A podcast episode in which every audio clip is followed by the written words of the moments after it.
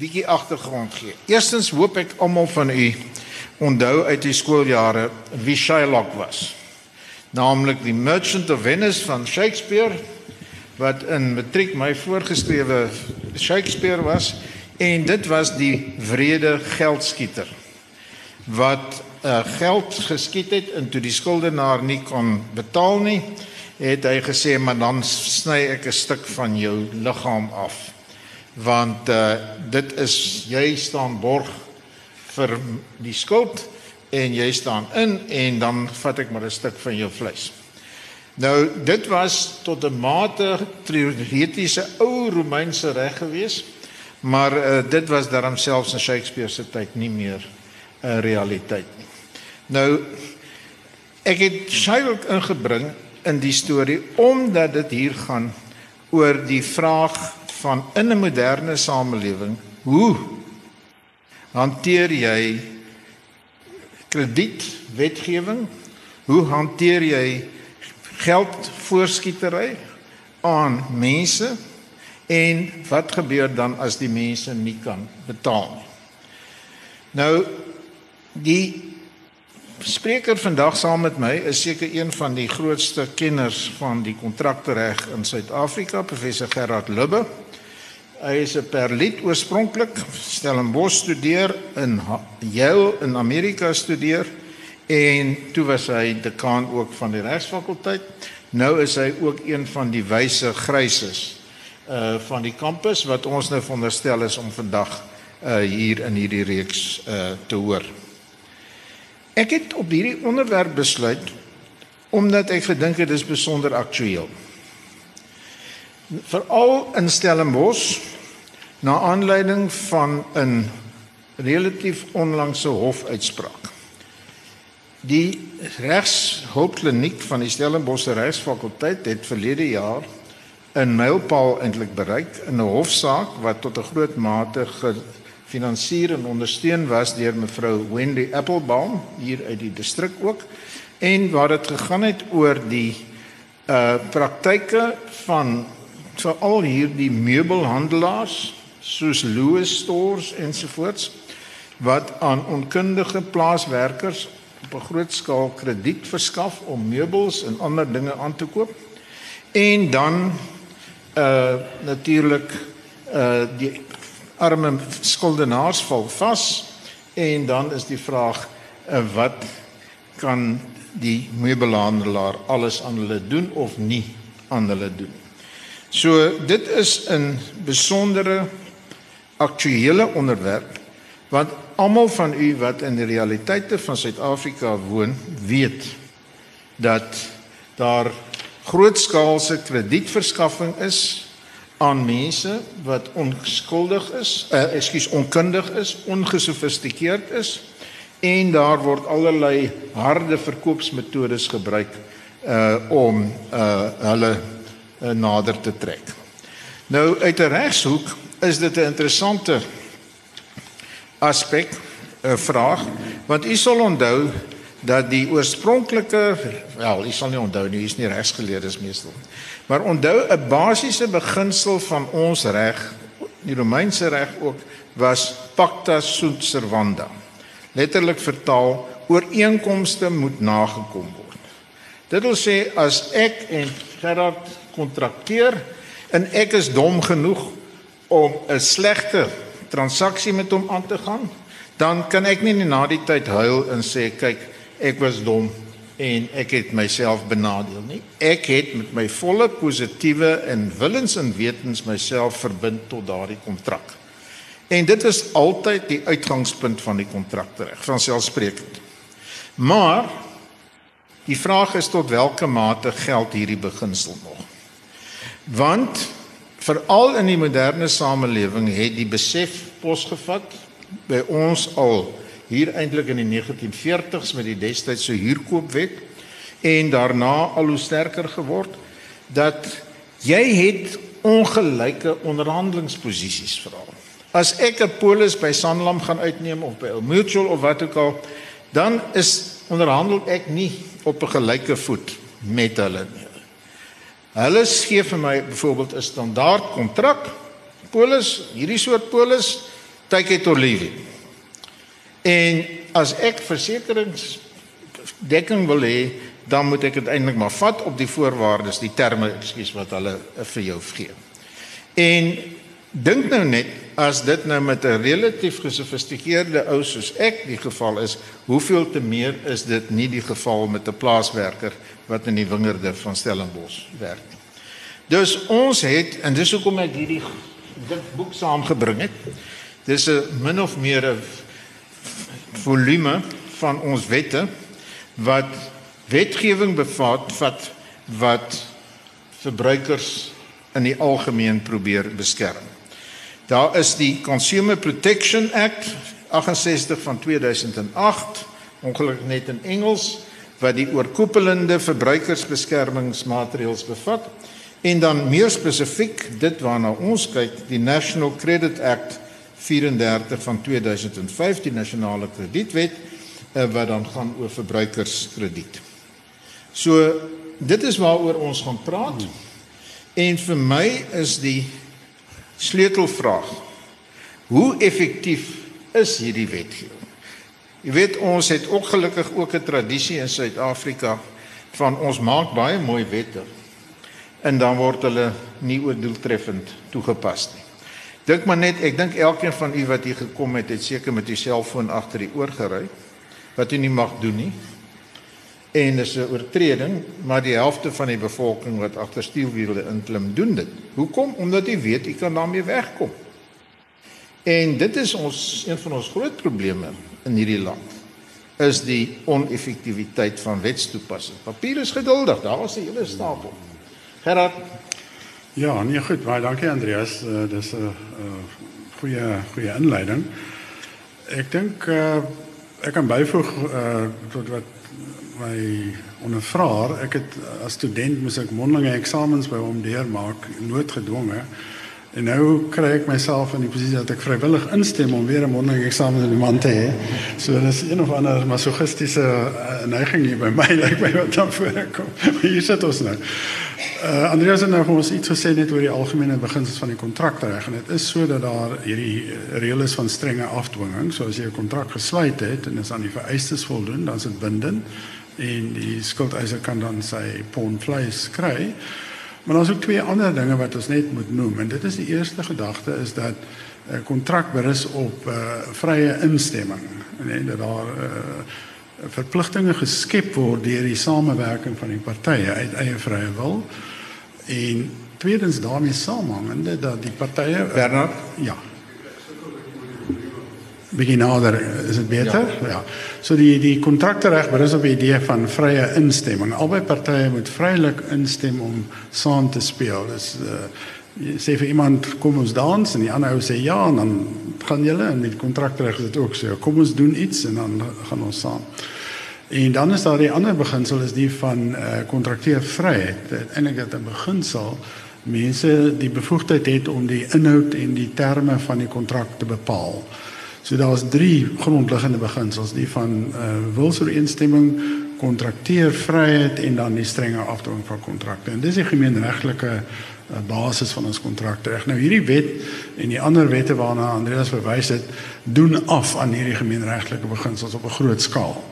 So daar is nog steeds 'n element van willekeurigheid wat mense wil 'n kredietooreenkoms aangaan maar die partye se bevoegdheid om die terme en die gevolge te bepaal word grootliks beperk deur die wetgewing en die afdwingsvermoë word word redelik uh, ook aan bande gelê. Nou om die kredietwet te verstaan moet ons miskien uh, net eers kyk na die begrip krediet want dit is baie belangrik. En dit gaan in die mees eenvoudige vorm soos Andreas sal weet, gaan dit om die feit dat iemand wat beskik oor kapitaal beskik dit beskikbaar stel aan iemand anders, tydelik beskikbaar stel die gebruik van daai geld. En dan vra jy natuurlik 'n vergoeding vir daardie beskikbaarstelling van my kapitaal vir jou vir 'n tydperk in die vorm van rente en ook 'n delging van jou kostes in verband met hierdie transaksie sogenaamd. Dis die mees eenvoudige vorm van geldlening.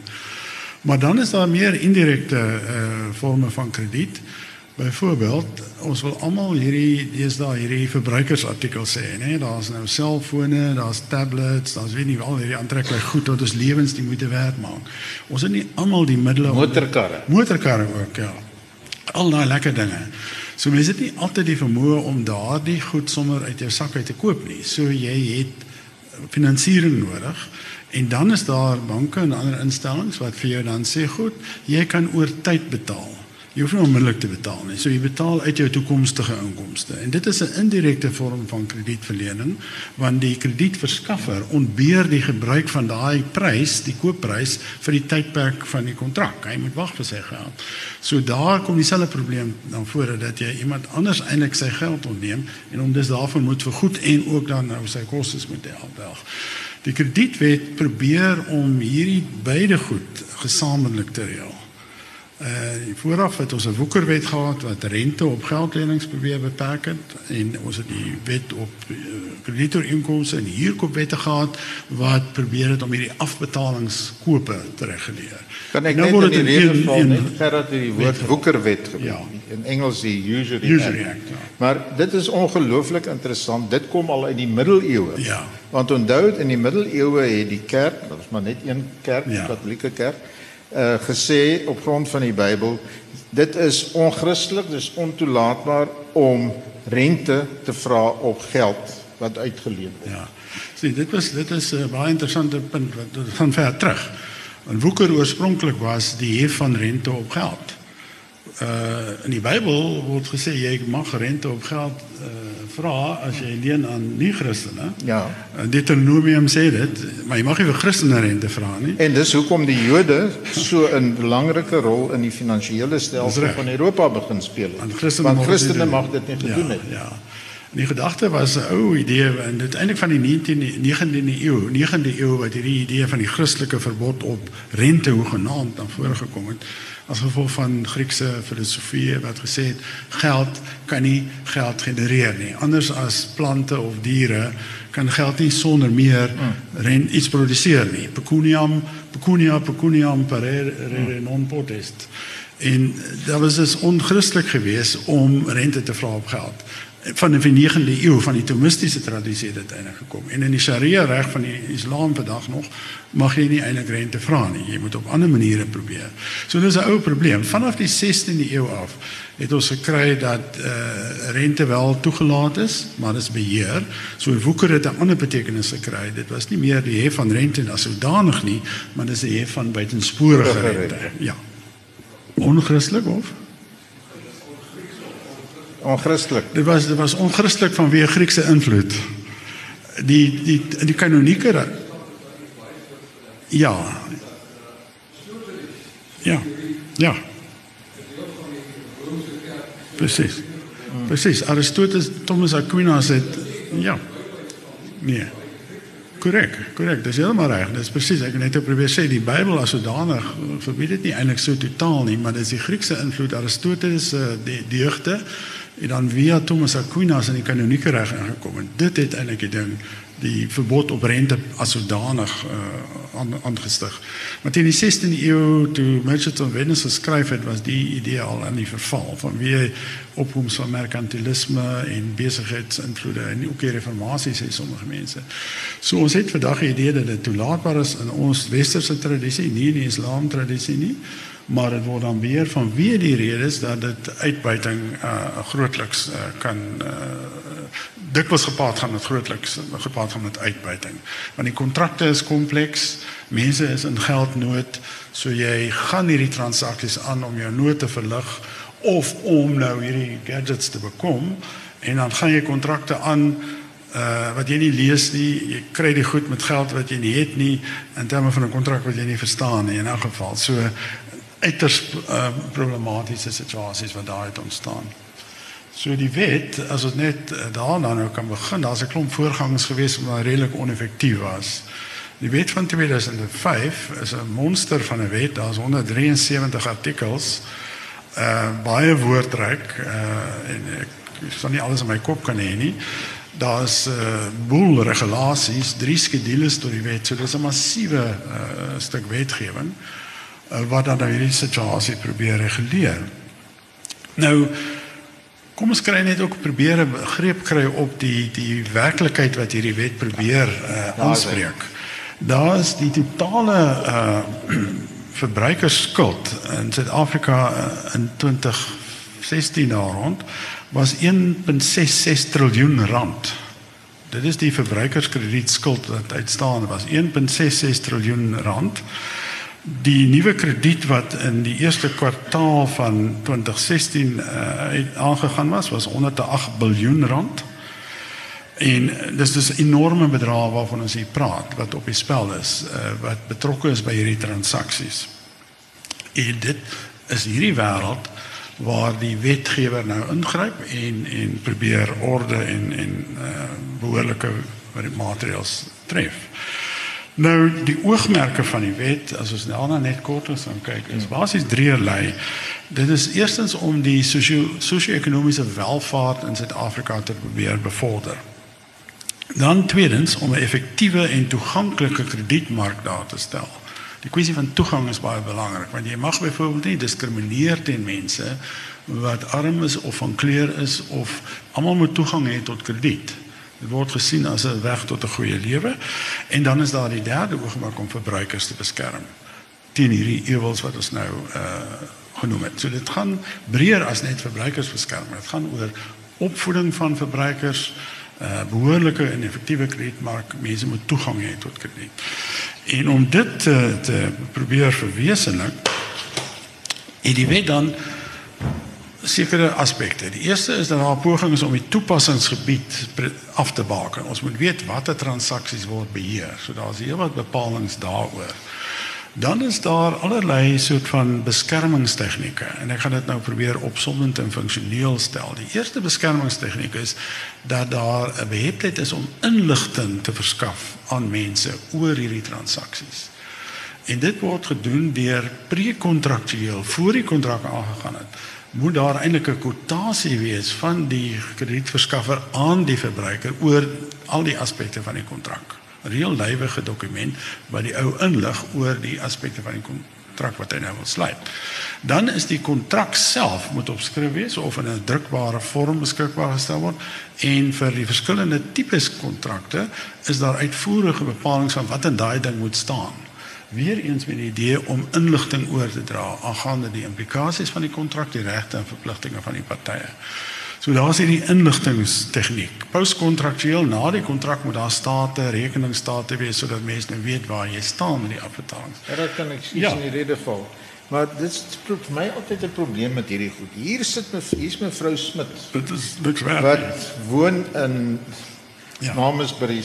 Korrek. En hier kry sy net so 'n dokument. Dit is, Wat beteken dit vir? Dis nie die inkwerk van waar was dit? Dis nie die papierwerk waarop geskryf is nie, want daardie kontrakte is te lywig, is te die inligting is te ingewikkeld. Mense as hulle dit lees, sal hulle nie verstaan nie. Maar die punt is selfs al sou ons dit lees, gaan in elk geval die kontrak sluit. Want jy wil die selfoon hê, jy wil die tablette, jy wil die kar hê. So jou verkrygingsdrang is so sterk dat die terme is nie ter sake nie. Niemand word afgeskrik nie, niemand lees in elk geval nie. So dis 'n oneffektiewe metode. Dit dit werk net eenvoudig nie.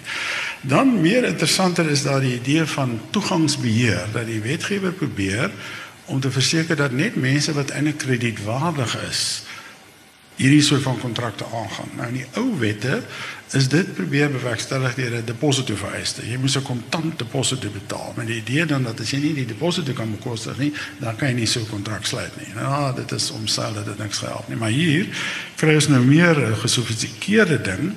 In soverre dat daar verwag word van die kredietverskaffer om voor die aangaan van die kontrak 'n ondersoek te doen na die kredietwaardigheid en die vermoëns van die voornemende verbruiker. Jy moet 'n ondersoek doen na die ou se betalingsgeskiedenis, na sy vermoë, sy middele, sy inkomste, sy skulde. Jy moet probeer vasstel of die persoon die strekking van die kontrak, die terme verstaan. Jy moet in probeer kyk of hy implikasie, die finansiële implikasies verstaan. As jy dit nie doen nie, dan word die kontrak sonder meer aangemerk as roekelose krediet en dit is dan onderhewig aan sanksies. As jy die ondersoek doen en jy gaan nogtans die kontrak aan alhoewel dit eintlik nie 'n persoon is wat die kontrak moet sluit nie, dan is daar weer streng sanksies wat teen jou gehef kan word. So die idee is daar is 'n 'n 'n 'n waghondfunksie dat die kredietverskaffer self moet keer dat onkredietwaardige mense daar daar toetree tot die kontrak. Ja. Die sanksies is nogal drakonies. Dit is 'n uh, roekelose krediet beteken dat die transaksie tersyde gestel kan word uh deur 'n hof en dit het redelike implikasie dan dat die verbruiker kwytgeskeld word van die transaksie. Uh dit kan ook opgeskort word deur 'n hof deurdat daar dan 'n langer tyd gegee word. So dit het allerlei implikasies vir die verbruiker as dit dan 'n bevind word roekelose krediet te wees. En daar is dan 'n waghondfunksie waarby net as ek kom wat dan nou moet toesien dat daar gekyk word na die na die vraag of die krediet behoorlik verantwoordelik toegestaan is. Dit is moeilik om nou syfers te bekom, maar uh dit lyk of die georganiseerde uh finansiële instansies, die banke in elk geval redelik versigtig is en 'n taamlike persentasie aansoekers word afgewys. Uh in 2012 weet ons dat daar so 'n van 50% van aansoeke by banke is van die hand gewys.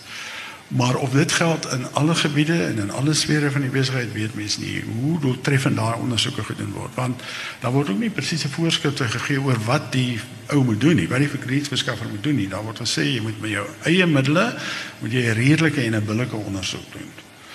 So die een hofsaak daaroor is die persoon toegelaat om die kontrak te sluit omdat die borg ge, uh, middele gehad het. En die hof het gesê dis heeltemal irrasioneel. Dit gaan nie oor die borg se vermoë om te betaal nie. Dit gaan oor die verbruiker se vermoë om te betaal.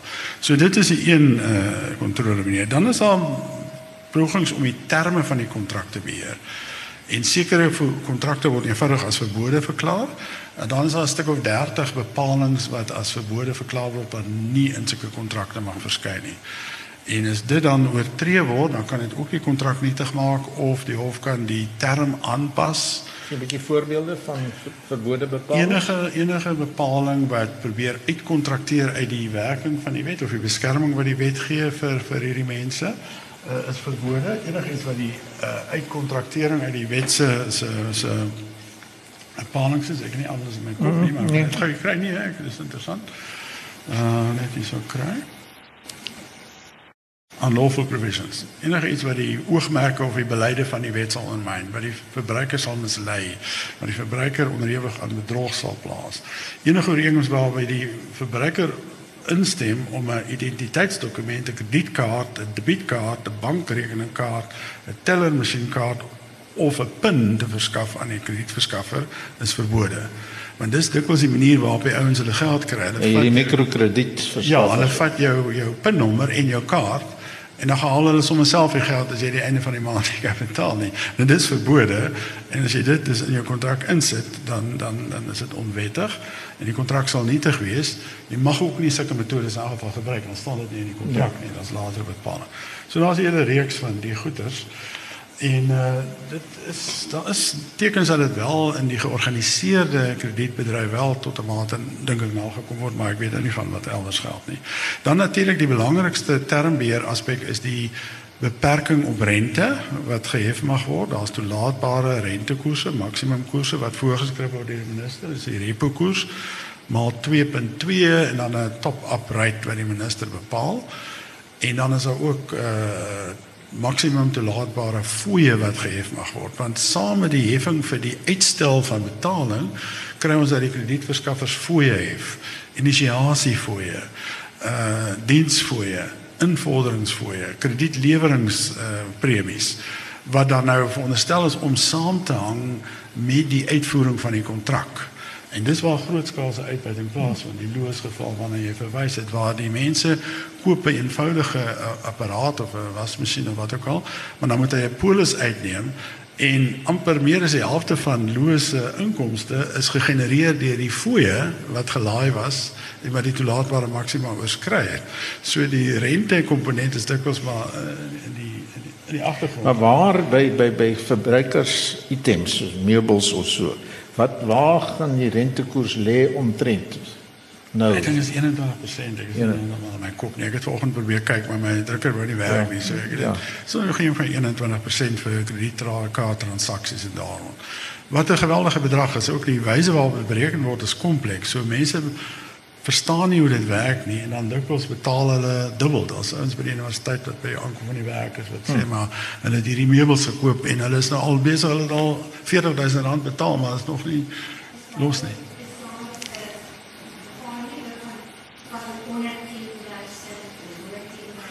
Daar's sekere vlakke, daar's verskillende kategorieë van kredietransaksies. So ek weet nie of jy daarna verwys het, daar's klein, intermediêre en groot kredietransaksies. So daar's vers Hulle mag meer vra dit maar dit hang ook af natuurlik as jy binne buite die toepassing net van die wet eh, val, dan kan hulle enige iets vra. Dan kan vra wat jy wil. Ek dink nie dit word enigstens hanteer nie. My kinders is al uit daar uit. Ek sou mense ja. Ek kan maar net sê ek het toevallig nou 'n klein dogter Ja. wat in graad 8 Ja. is op Stellenbosch skool. En daar is 'n vak wat hulle ekonomies uh, Ja. studie of so iets noem. Uh maar ek wil jy sê dit is so oppervlakkig. Ja. dat uh, en ons kan ook nie verwag eintlik werklik dat die skole nou al daai take uh, moet verrig nie.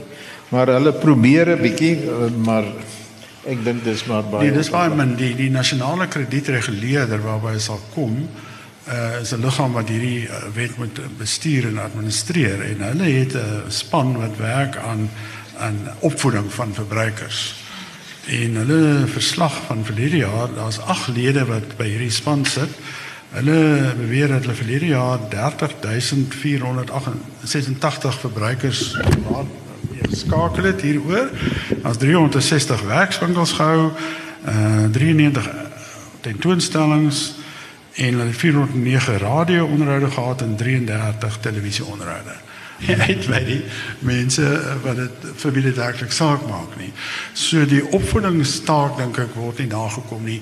Daai inligting sal nou alles staan in die voorafkwotasie wat gegee moet word. Dit sal staan in die kontrak, maar niemand sal dit lees nie en mense verstaan dit nie. Dit is kompleks. Almal bereken dit maar met 'n rekenaartjie en net die idee van rente wat gehef word op balans daagliks en dan word dit gekapitaliseer dit gaan by die meeste van ons uh, verby. Dit is by ons meeste van ons 'n viermanplek. So ons het dan hierdie uh, tegnieke die breë tegnieke van toegangsbeheer termbeheer en ander dan oor die finansieringskoste. Dan is daar allerlei verbruikersregte En dit eh, kom te maak met die met die wat Andreas die afdwingingsvermoë. Verbruikers kan byvoorbeeld en dis onder gemeenreg ook so, uh skulde vroeg aflos. Daar's 'n afkoelreg so as jy 'n uh, inkom sluit op 'n ander plek as die besigheidsplek van die ou by 'n door-to-door persoon, dan kan jy binne 5 dae dit opsê en uit die kontrak uitkom. En uh dit bied 'n mate van van verligting. Maar belangrik hier by die verbruikersregte is dat daar nou vir die eerste keer by ons voorsiening gemaak word vir 'n proses van skuldhersiening en uh hulp aan die verbruiker wat oorbelas is, which is was over indebted. Dit is heeltemal 'n nuwe innovasie. In die wet word daar voorsiening gemaak vir 'n kategorie van mense wat bekend staan as skuldberaders. En daar's 'n groot klomp van hulle. Ons kan net sien hoeveel daar is. En hulle is daar om verbruikers by te staan wat probleme ervaar met met skuld. En die gedagte is hulle nou staatsamptenare nee, of hulle is mense wat werk vir hulle eie onderrig, vir hulle eie uh, inkomste. Jy maar so as jy verbruiker moet jy betaal vir die diens. Jy moet betaal. Jy sal moet betaal natuurlik. En hulle moet aan sekere kwalifikasies voldoen. Jy moet 'n graad 12 kwalifikasie hê. Mag nie aan sekere misdade skuldig bevind word nie. En dan is daar die gedagte dat hulle 'n kursus moet loop wat die nasionale kredietreguleerder uh goedkeur. En daar was uh in Maart nou vir jaar 2145 skuldberaders.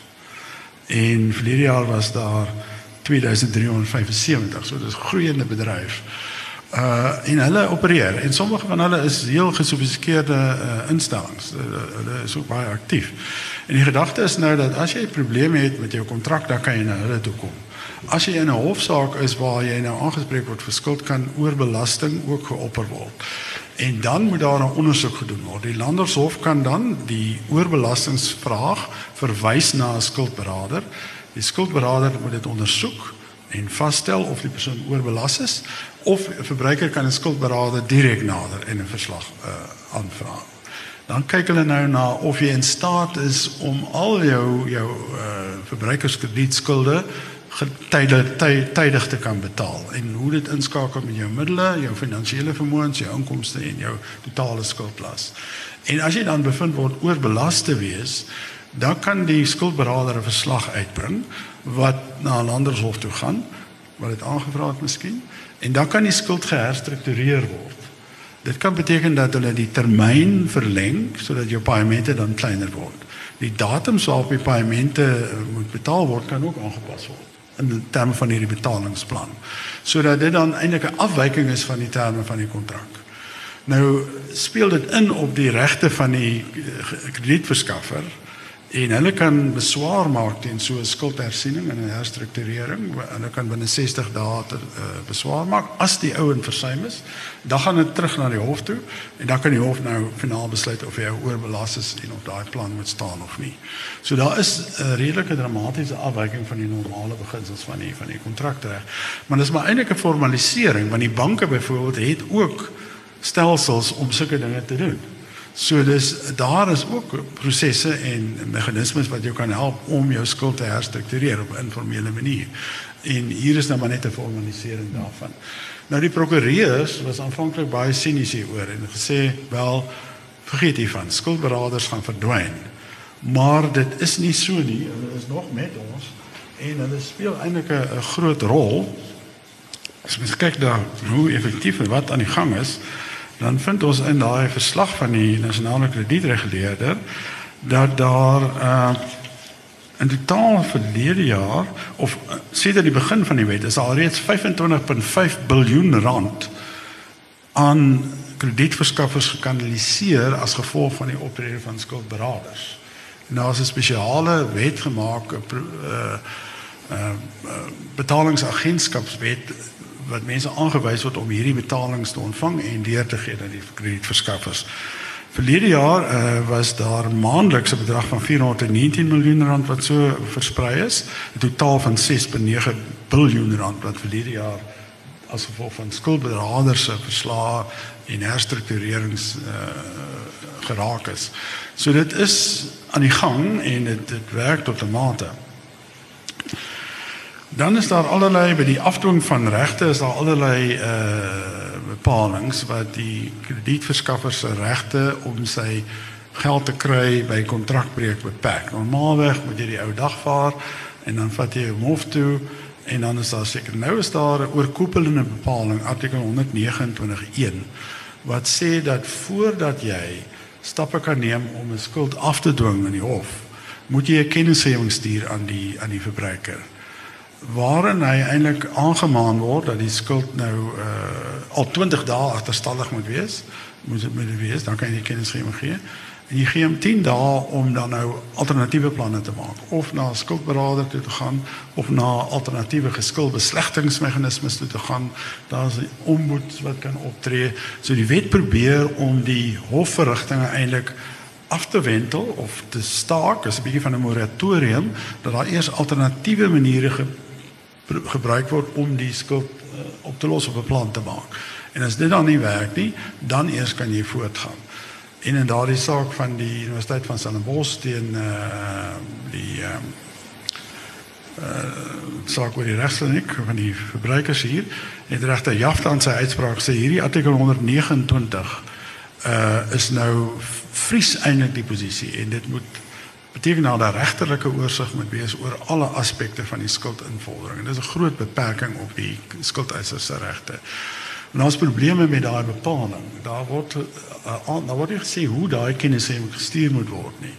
En dit beteken dat artikel 65 geld en daar's 'n klomp maniere waarop die uh kennisgewing gestuur kan word en die krediet die verbruiker moet kan kies watter metode gevolg moet word. En dit gee groot probleme. Daar is nou gevalle byvoorbeeld waar die appelhof gesê het as jy die kennisgewing stuur per geregistreerde brief, dan moet dit ontvang word deur die poskantoor uh, waar dit dan afhaal word. En dit is uh, binne 'n vereiste. In die ou dae as jy kies op 'n sekere manier kennisgewing te kry, dinge gaan verkeerd, dan is dit op jou risiko. Hmm. uh, dan dra jy die gelag. En hierdie Sebola saak het nou gesê nee, eintlik moet daar ontvangs wees. En die Kaapshof het regtig griesel ons Andreas se oudstudent my klasmaat gesê nee, die ou beginsel moet nog geld, maar die Transvaalshof het ongelukkig hmm. afgewyk daarvan. So nou moet hulle die goed eintlik daar besorg. Ja, se vinger. Klank. Sorry. Die basiese uh bepaal vereiste is 'n krediettransaksie is een waardeur daar 'n uh, uitstel gegee word van betaling teen vergoeding.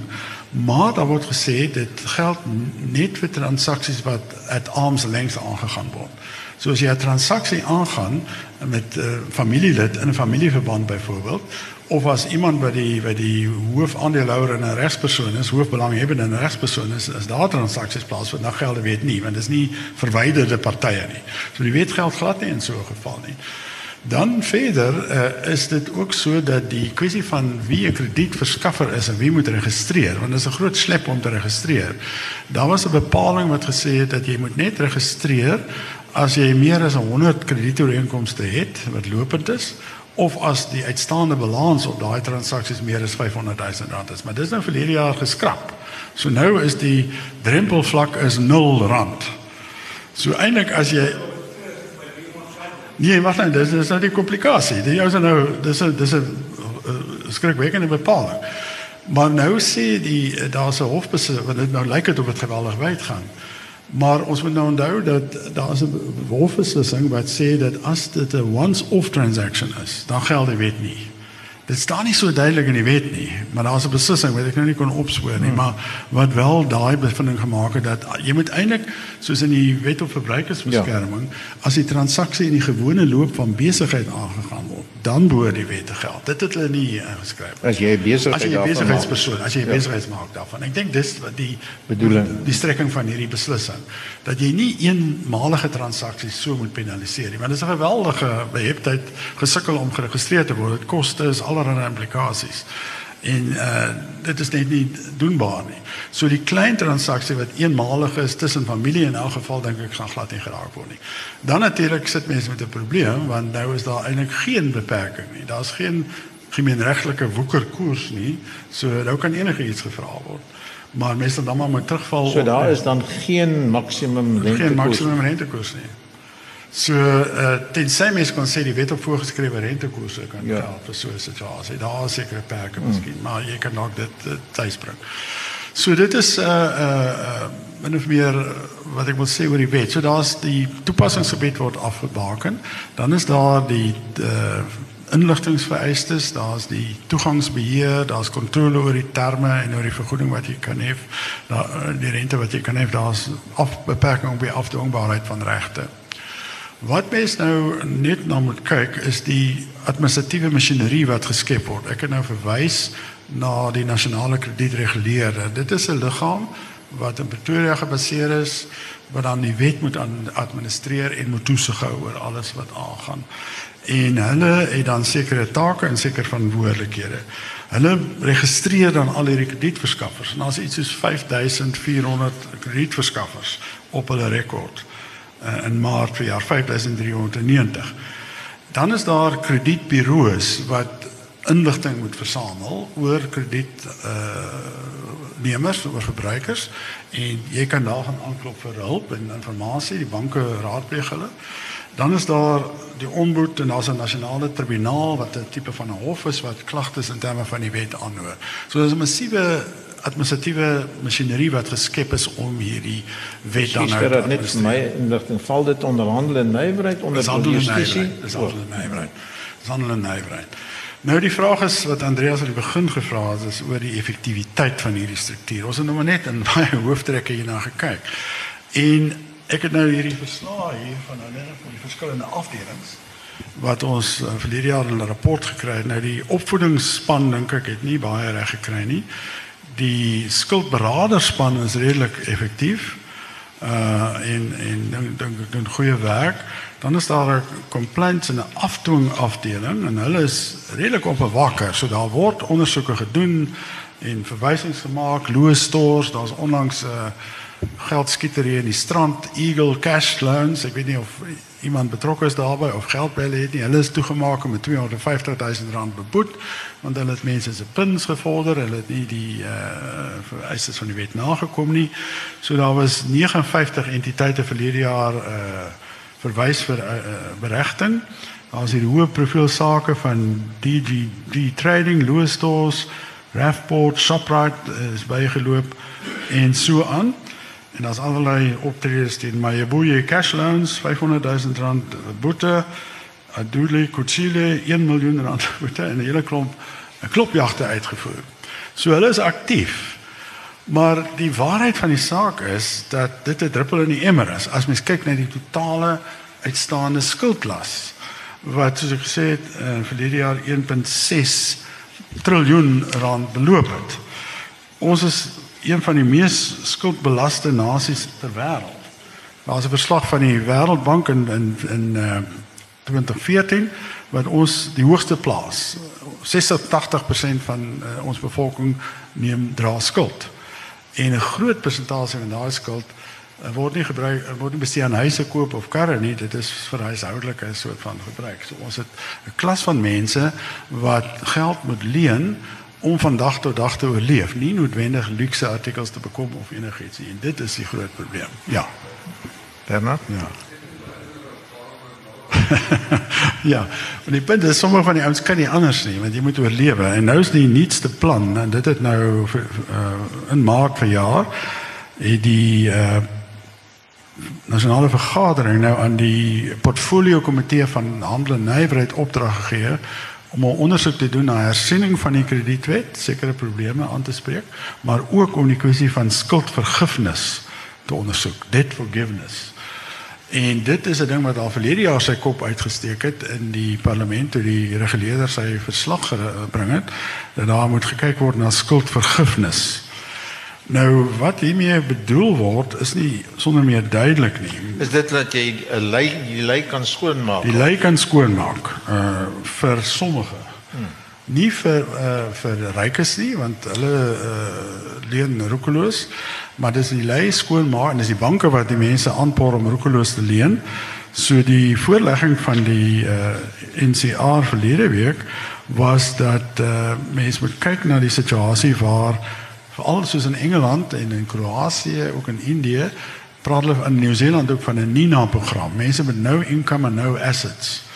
Dat sulke mense wat in daai posisie is van wie omstandighede buite hulle beheer sal moet verligting kry. En hulle skuld sal moet dan nou aangespreek word of iets meer gedoen word. En dan dink hulle veral aan klasse soos uh, mense wat uh, mynwerkers wat afgelê word, selfs studente wat studieskulde het en sulke bepaalde strate van ons gemeenskap wat dan nou endemies eintlik arm is. En dat daar selektiewe soort van optrede wees om hulle by te staan. Nou daar is selfs gewag gemaak deur die voorsitter van hierdie komitee dat mense in die proses dan moet kyk na die surplusse van regeringsentiteite om daai skulde te delg. Die unemployment die on, on uh, werkloosheidsversekeringsfonds het 'n surplus van 90 miljard gehad. En mense nou daaruit dan nou moet hierdie ouens help en is net geselekteerde kategorieë van mense. Ek kan kyk wat hulle hier kan kry. Dis nie na debtors, dis dan nou mense wat nie inkomste of of geld het nie van wie hulle uh, omstandighede buite hulle beheer. Studente, African Bank Bad Book, die ouens wat African Bank uh, skuld geld skuld, retents uh, afgelegde staal en mynwerkers. En dan word ook genoem 'n moratorium op goudtingse eetolle dat mens dit kan. Oh. so dis 'n kreatiewe stap. Stap nou dit is natuurlik nou 'n groot uh, uh, affære hierdie, want die banke en almal het uh, al tamelik sterk gereageer hierteen en sê dit gaan net eenvoudig uh, siniese uh, roekelose lenings uh, aanlok. Mense gaan net eenvoudig ophou betaal ook.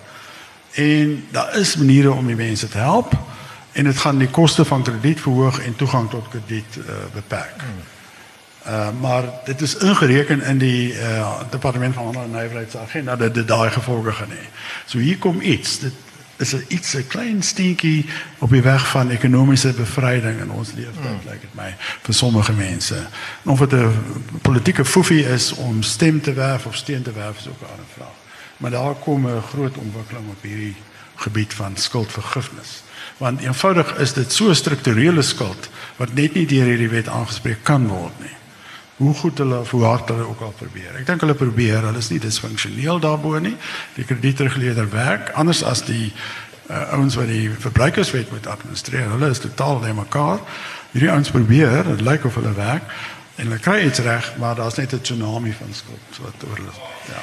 Uh kollegas baie dankie. Ekskuus dat ons nou vir u moet aanjaag, maar daar agter word vir my 'n vingertjie gewys al.